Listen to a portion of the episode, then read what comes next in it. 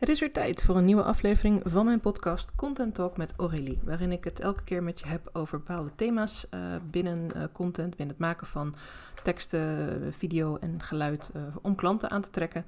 En het onderwerp waar ik het nu met je over wilde hebben is die eerste indruk. En dat bedoel niet de eerste indruk als je voor het eerst mijn podcast luistert, maar een beetje zoals de eerste indruk wanneer je gaat daten. Wanneer je bijvoorbeeld um, met iemand voor het eerst gaat afspreken, wanneer je voor het eerst met iemand gaat netwerken of wanneer je voor het eerst met iemand uh, kennis gaat maken. En dat kan ook uh, zijn zonder dat je daar zelf actief bij bent. Want als ondernemer, zeker als online ondernemer, uh, vinden mensen jou natuurlijk ook via jouw Instagram-account of via jouw LinkedIn-account of via jouw website, zonder dat je daar zelf actief op dat moment ook aanwezig hoeft te zijn. Het is niet een soort marktkraam waar je achter staat om je waarde aan te prijzen. En het gaat er dus om welke indruk laat jij achter? Wat is die eerste indruk die jij achterlaat? En ik gebruik de eerste indruk van daten een beetje als voorbeeld om het misschien wat makkelijker te maken. Zelfs al heb je nooit gedate en ben je grote liefde al jong tegengekomen en is het allemaal prima. Of hou je helemaal niet van daten of wat voor een ook. Ik denk dat je wel weet wat ik bedoel met uh, de eerste kennismaking, de eerste indruk, de eerste gesprekken en uh, ja, ook een beetje het, het uh, flirten met elkaar.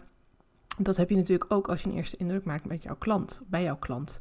Want jouw uh, content die je maakt, de online posts, je stories, je reels, uh, je video's, uh, dingetjes die je in een podcast zegt, misschien je op YouTube, Vimeo, daarmee laat je eigenlijk al wat van jezelf zien. En op het moment dat jij vooral dingen laat zien die een beetje vaag zijn of die juist ja, misschien wat minder tekst omvatten of dat je denkt, nou ik ga er nog niet al te veel, ik houd het een beetje algemeen. Bijvoorbeeld, je hebt wat van die accounts waar je vrij veel quotes ziet. En dat is op zich prima om quotes te delen. Van bijvoorbeeld uh, Nelson Mandela, Oprah Winfrey, uh, noem maar op. Hebben hele mooie dingen gezegd. Maar wat ik dan interessant vind is om te lezen, wat zie jij in die quote? Wat heeft die quote met jouw werk te maken? Wat heb ik als jouw toekomstige klant eraan dat jij die quote deelt? Is dat omdat het gewoon leuk is om hier aan mijn muur te hangen en dan heb ik weer een leuke quote? Of om op mijn eigen story te delen van, goh ja, dit is inderdaad helemaal waar.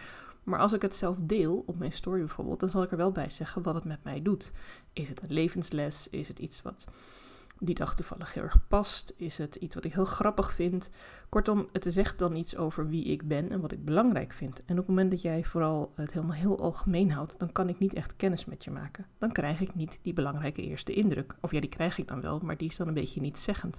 En zeg nou zelf, zou jij met iemand op date gaan of zou jij met iemand uh, een gesprek ingaan over bijvoorbeeld een coachingstraject of over een, uh, in de praktijk langskomen voor een massage of voor een behandeling of voor een gesprek?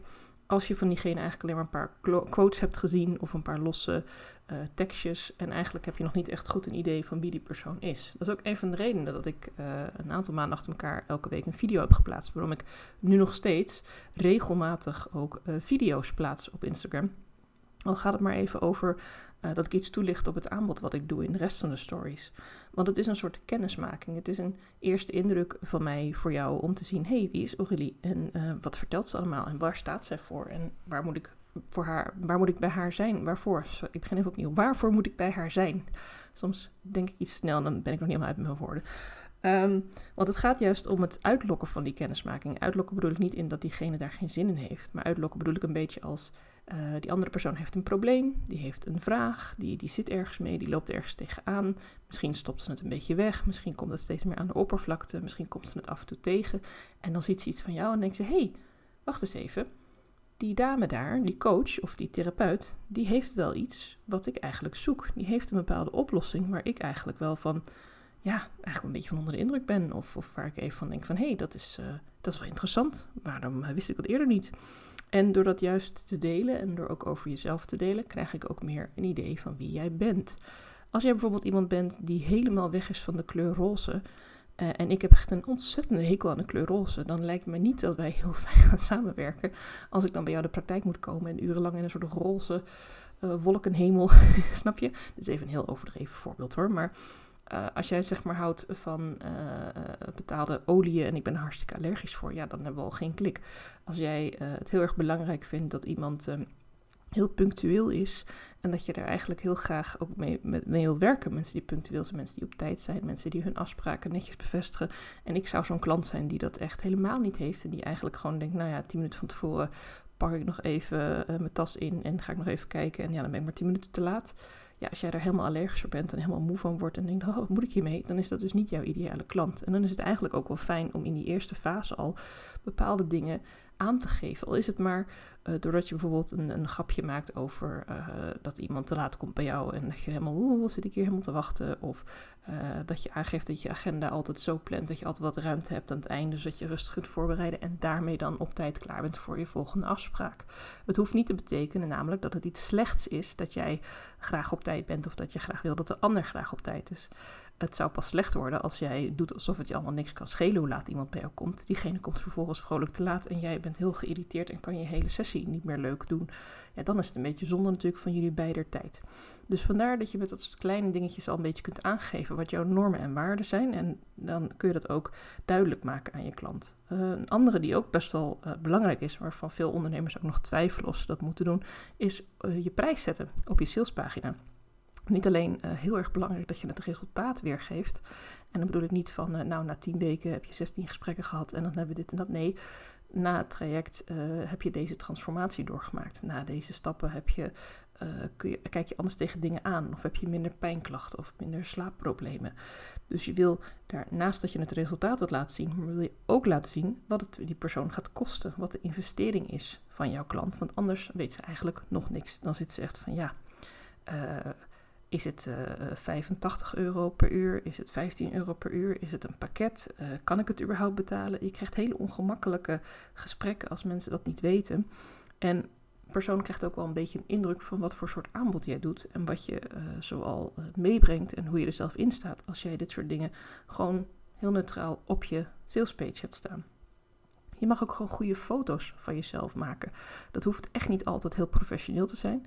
Uh, zeker als je nog niet zo heel lang bezig bent en je nog niet zo'n grote uh, inkomstenbron hebt uit je bedrijf kan het prima zijn dat je een keer een vriendin vraagt om even wat foto's van je te maken. Of uh, je koopt iets van een statiefje, zodat je van jezelf wat mooie foto's kunt maken.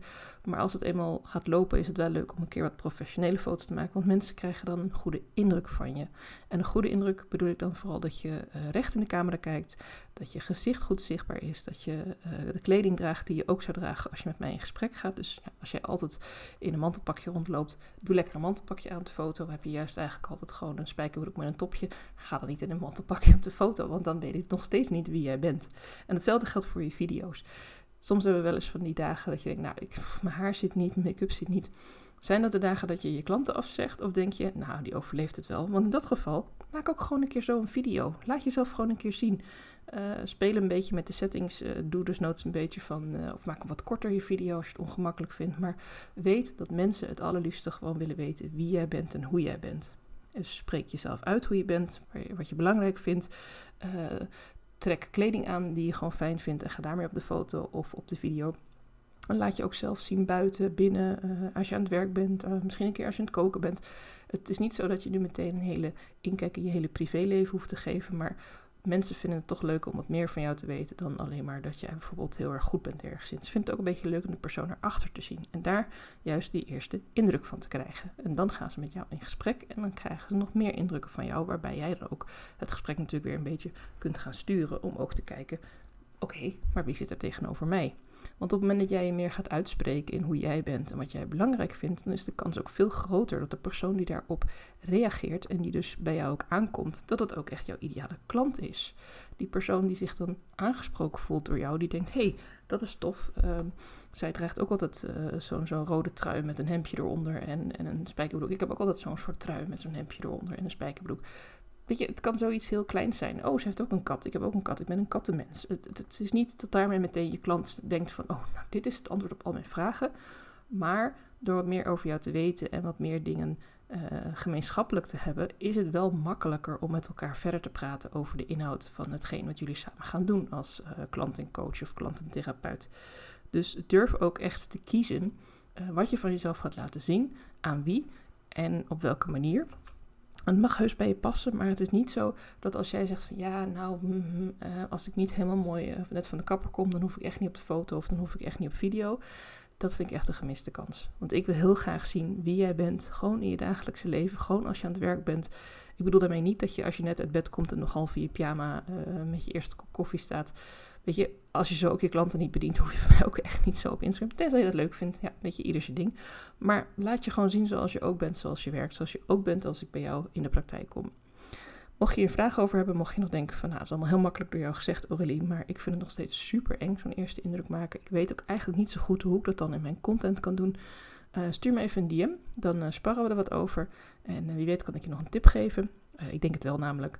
En tenminste, daar ga ik gewoon vanuit dat ik inmiddels al zoveel hierover heb ontdekt. En, en, ook lekker gewoon jou zelf aan het werk ga zetten met een paar vragen.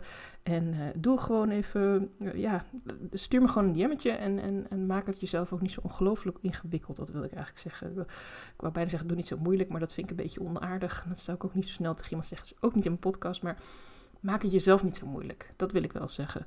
Maak het jezelf niet te moeilijk en, en zorg dat je lekker jezelf bent. Want uiteindelijk zal jouw klant voor jou kiezen als ze bij jou die klik voelt. En die klik kun je echt niet afdwingen door een andere look of een ander haartype of andere kleding of door bepaalde uh, dingen uit te stralen die eigenlijk niet bij jou passen.